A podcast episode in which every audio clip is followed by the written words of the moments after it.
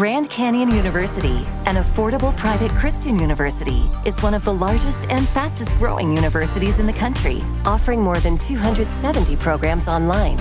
In addition to federal grants and aid, GCU's online students received nearly $130 million in institutional scholarships in 2022. Find your purpose at Grand Canyon University. Private, Christian, affordable. Visit gcu.edu slash myoffer to see the scholarships you may qualify for. A mañá do día seguinte, 19 de febreiro, vin entrar o canadense no meu cuarto. Agardaba a súa visita. Tiña un aire moi desanimado. E ben, señor, díxome. Pois ben, Ned, onte o azar púxose na nosa contra. Sí? Ese condenado capitán tivo que parar xusto a hora en que íamos fuxir do seu barco. Sinet tiña que amañar co seu banqueiro. O seu banqueiro? Ou máis ben o seu banco. Refírome a ese océano, onde as súas riquezas están máis seguras do que o estarían nos cofres dun Estado. Conteille entón o canadense os incidentes da véspera, coa secreta esperanza de convencelo de non abandonar de ningún xeito o capitán mais o meu relato non tivo outro resultado que o lamento enérxicamente manifestado por Ned por non ter podido dar pola súa conta un paseo sobre o campo de batalla da Vigo. En fin, dixo, non está todo perdido. Noutra ocasión conseguirémolo, e a partir desta noite, se é necesario... Cale a dirección do Nautilus? Preguntei. Ignoro, respondeu Ned. Pois ben, a mediodía comprobaremos a posición. O canadense volveu xunto a Conseil. Cando estiven vestido, pasei o salón. O compás non resultaba tranquilizador. A ruta do Nautilus era sur-suroeste. Dábamos as costas a Europa. Esperei con certa impaciencia que a posición fose marcada no mapa Cara ás once e media os depósitos baleiráronse e o noso aparello remontou á superficie do océano. Lanceime cara á plataforma. Ned Land adiantáraseme. Ningunha terra á vista, nada máis que o mar inmenso. Algúnas velas no horizonte, sen dúbida ningunha, daquelas que van ao cabo Sao Vicente, procurar os ventos favorables para dobrar o cabo de Boa Esperanza. O ceo estaba coberto. Preparábase unha ventoeira. Ned, rabioso, tentaba albiscar o horizonte brumoso. Aínda agardaba que, tras todo aquel neboeiro, se distinguise a terra tan desexada. A mediodía o sol saeu por uns instantes. O segundo de a bordo aproveitou aquela claridade para tomar a súa altura. Despois, o mar tornouse máis axitado Descendemos de novo e pechouse o panel. Unha hora máis tarde, cando consultei o mapa, vin que a posición do Nautilus estaba indicada por 16 grados 17 de longitude e 32,22 de latitude, a 150 leguas da costa máis próxima. Non había maneira de xonar con fuxir, e deixo a súa imaginación as cóleras do canadense, cando lle fixen saber a nosa situación. Pola miña banda non me sentín moi desolado, sentínme como aliviado do peso que me oprimía e puiden retomar con relativa calma os meus traballos habituais. Pola noite, sobre as 11 horas, recibín a inesperada visita do capitán Nemo.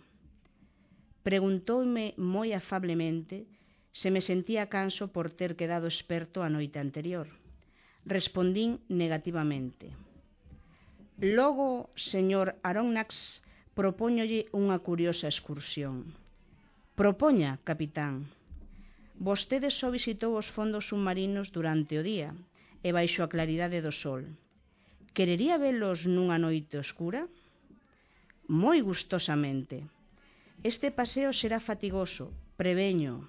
Haberá que camiñar moito tempo e escalar unha montaña. Os camiños non están en moi bo estado. O que vostede me di, capitán, aumenta a miña curiosidade. Veña logo, capitán, imos a vestir os nosos escafandros. Cando cheguei ao vestiario, vin que nin os meus compañeiros, ni ningún home da tripulación debía seguirnos durante aquela excursión. O capitán Nemo non me propuxera sequera levar a Ned ou a Conseil. En pouco tempo tivemos postos os nosos aparellos. Colocamos sobre as nosas costas os depósitos, abondosamente cargados de aire, mais as lámpadas eléctricas non estaban preparadas. Fixen llover o capitán. Resultaríannos inútiles. Pensei que escoitara mal, mais non puiden reiterar a miña observación, porque a cabeza do capitán xa desaparecera no seu envoltorio metálico. Cando remataba de prepararme, sentín que alguén me poñía na man un bastón de ferro e algúns minutos máis tarde, tras a manobra habitual, pisábamos o fondo do Atlántico a unha profundidade de 300 metros. A medianoite aproximábase. As augas estaban profundamente escuras, mas o capitán Nemo amosoume ao lonxe un punto avermellado, unha especie de inmenso claro que brillaba aproximadamente a dúas millas do Nautilus. Que sería aquel lume? Que materiais o alimentaban? Por que e como se revivificaba na masa líquida? Non o tería podido decir. En todo caso, iluminábanos vagamente, é certo, mas afixéranme axiña aquelas tebras particulares e comprendín naquela circunstancia a inutilidade dos aparellos Runkov. O capitán Nemo e máis eu marchamos un a carón do outro directamente cara ao lume sinalado. O fondo empinábase lentamente. Dábamos largas zancadas, axudándonos co bastón. Mais a nosa marcha era lenta, xa que os nosos pés afundían de seguido nunha especie de lodo mesturado con algas e sementados de pedras planas. Ao avanzar sentía unha especie de estalido por riba da miña cabeza. Ás veces o ruído redobrábase e producía como un pingar continuo. Axiña comprendín a causa. Era unha chuvia que caía violentamente crepitando na superficie das augas. Instintivamente pensei que me iba a mollar pola auga no medio da auga. Non puiden evitar rir desta non puiden evitar rir desta idea extraña. Mais para dicilo todo, dentro do grosso habitáculo de escafandro, non se sente nada do líquido elemento. E un cree estar no medio dunha atmósfera un pouco máis densa que a atmósfera terrestre. Iso é todo. Despois dunha media hora de marcha, o fondo tornouse rochoso. As medusas, os crustáceos microscópicos, as penátulas, iluminábao lixeramente con claros fosforescentes – Entrevín moreas de pedras cubertas por varios millóns de zoofitos e tapizas de algas. O pés parábase a miúdo sobre aqueles viscosos tapices de fucos, e de non ser polo meu bastón de ferro, tería caído máis dunha vez. O vidarme veía aínda o fanal esbracusado do Nautilus, que comezaba a palidecer na distancia. Dúas horas despois de termos deixado o Nautilius, atravesáramos a liña de árbores e a cen pés por riba das nosas cabezas debuxábase o pico da montaña. A súa proxección facía sombra sobre a cegadora irradiación da vertente oposta. Alguns arbustos petrificados zigzagueaban aquí e acolá. Os peixes erguíanse en masa baixo os nosos pasos como paxaros sorprendidos nas ervas altas. A masa de rochas estaba cribaba de impenetrables anafrutosidades, de grufas profundas, de insondable, insondables buratos no fondo dos que escoitaba o rumor de cousas formidables. O sangre, o sangue fluíame ata o corazón cando avistaba unha antena enorme que me saía o camiño ou calquera pinza terminable que se pechaba ruidosamente na sombra das cavidades. Milleiros de puntos luminosos escintilaban entre as tebras, Eran os ollos de crustáceos gigantescos, agochados nos seus tobos, lumbrigantes inmensos que se enderezaban como albardeiros e movendo as súas patas cun son de ferralla. Caranguexos titán, titánicos asestados como canóns das súas carretas e polvos aterradores que entrelazaban os seus tentáculos como unha marraña de serpes vivas. Que era aquel mundo exorbitante que eu non coñecera aínda? A que orde pertencían aqueles articulados os que as rochas formaban na segunda cuncha? Onde atopara a natureza o segredo da súa existencia vegetativa e dende había cantos séculos vivían así nas derradeiras capas do océano? Mas non me podía deter. O capitán Nemo, familiarizado con aqueles terribles animais, non lles prestaba atención. Chegamos a unha meseta onde aínda me aguardaban outras sorpresas. Alí debuxábanse pintorescas ruínas que revelaban ser obras do home e non do creador.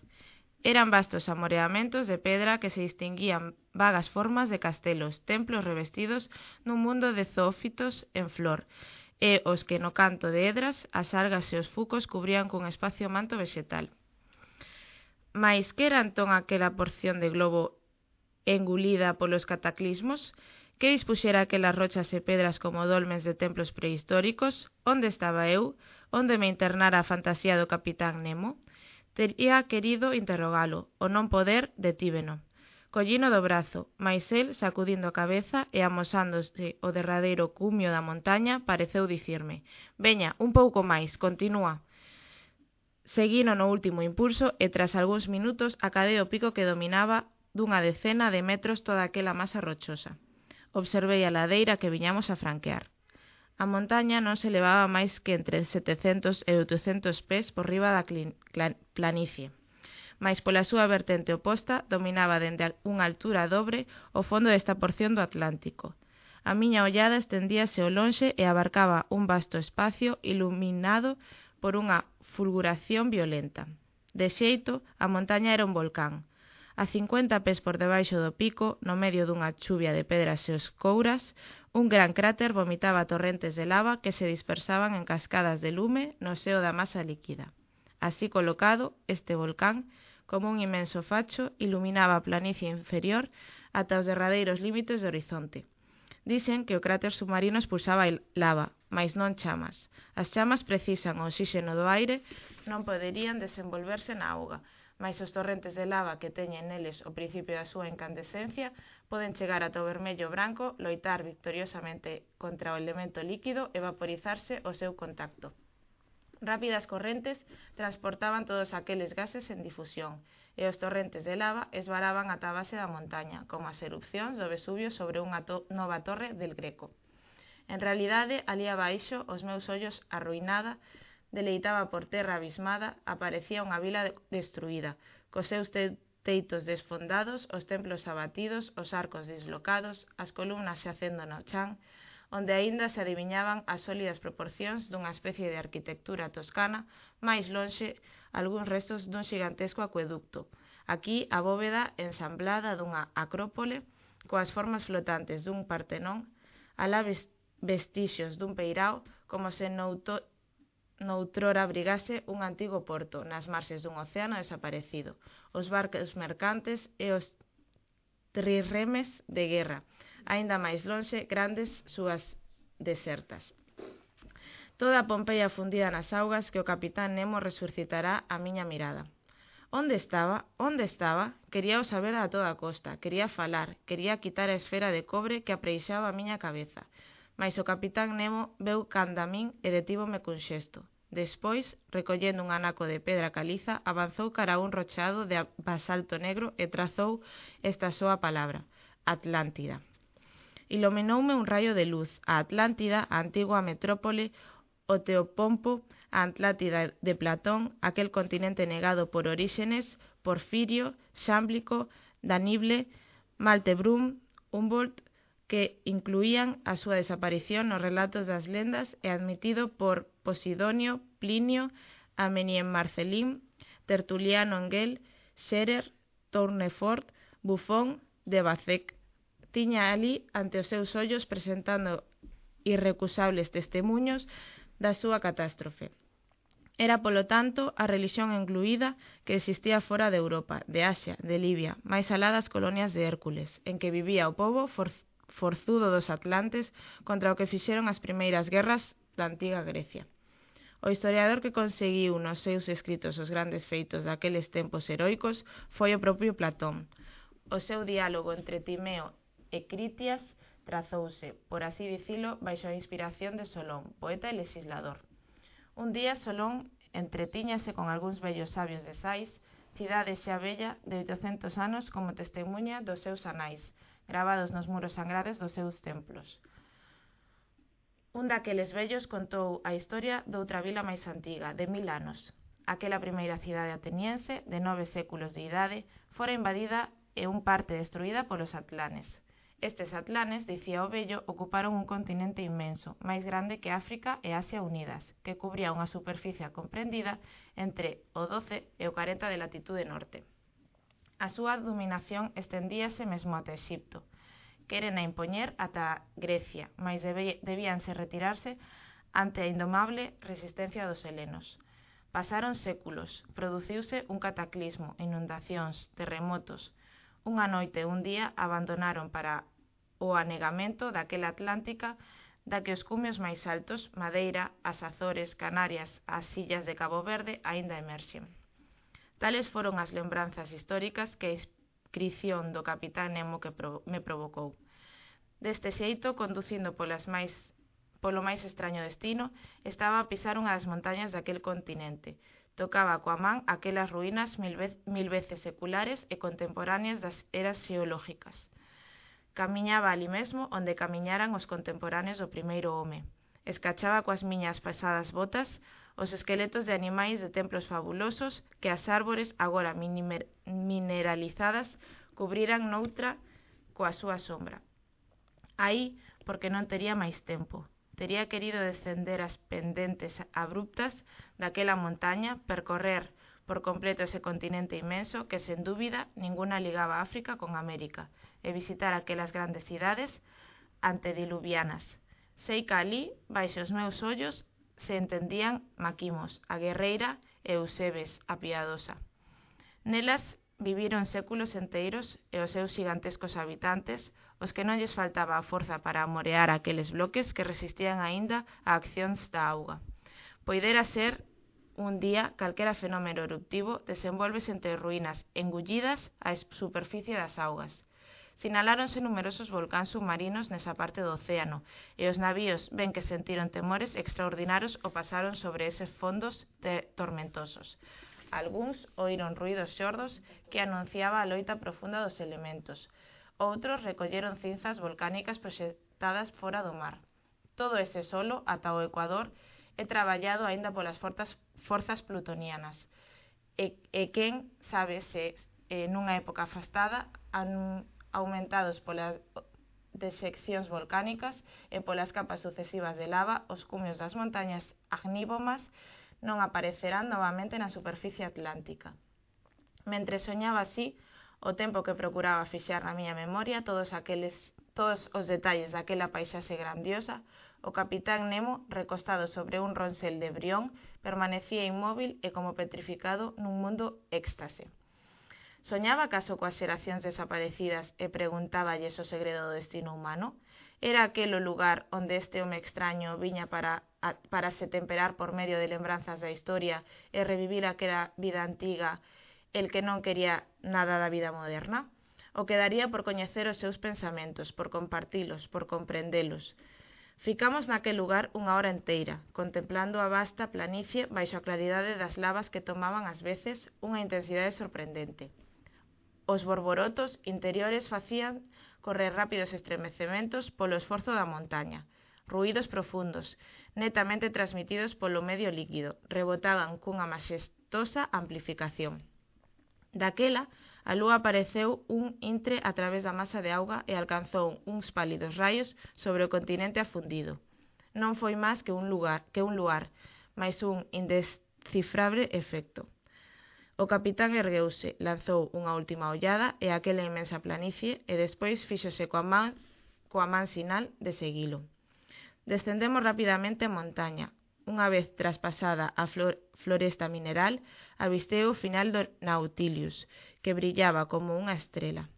O capitán camiñou directo a el. Estivemos de volta a bordo no instante en que as primeiras luces da alba blanquexaban a superficie do océano.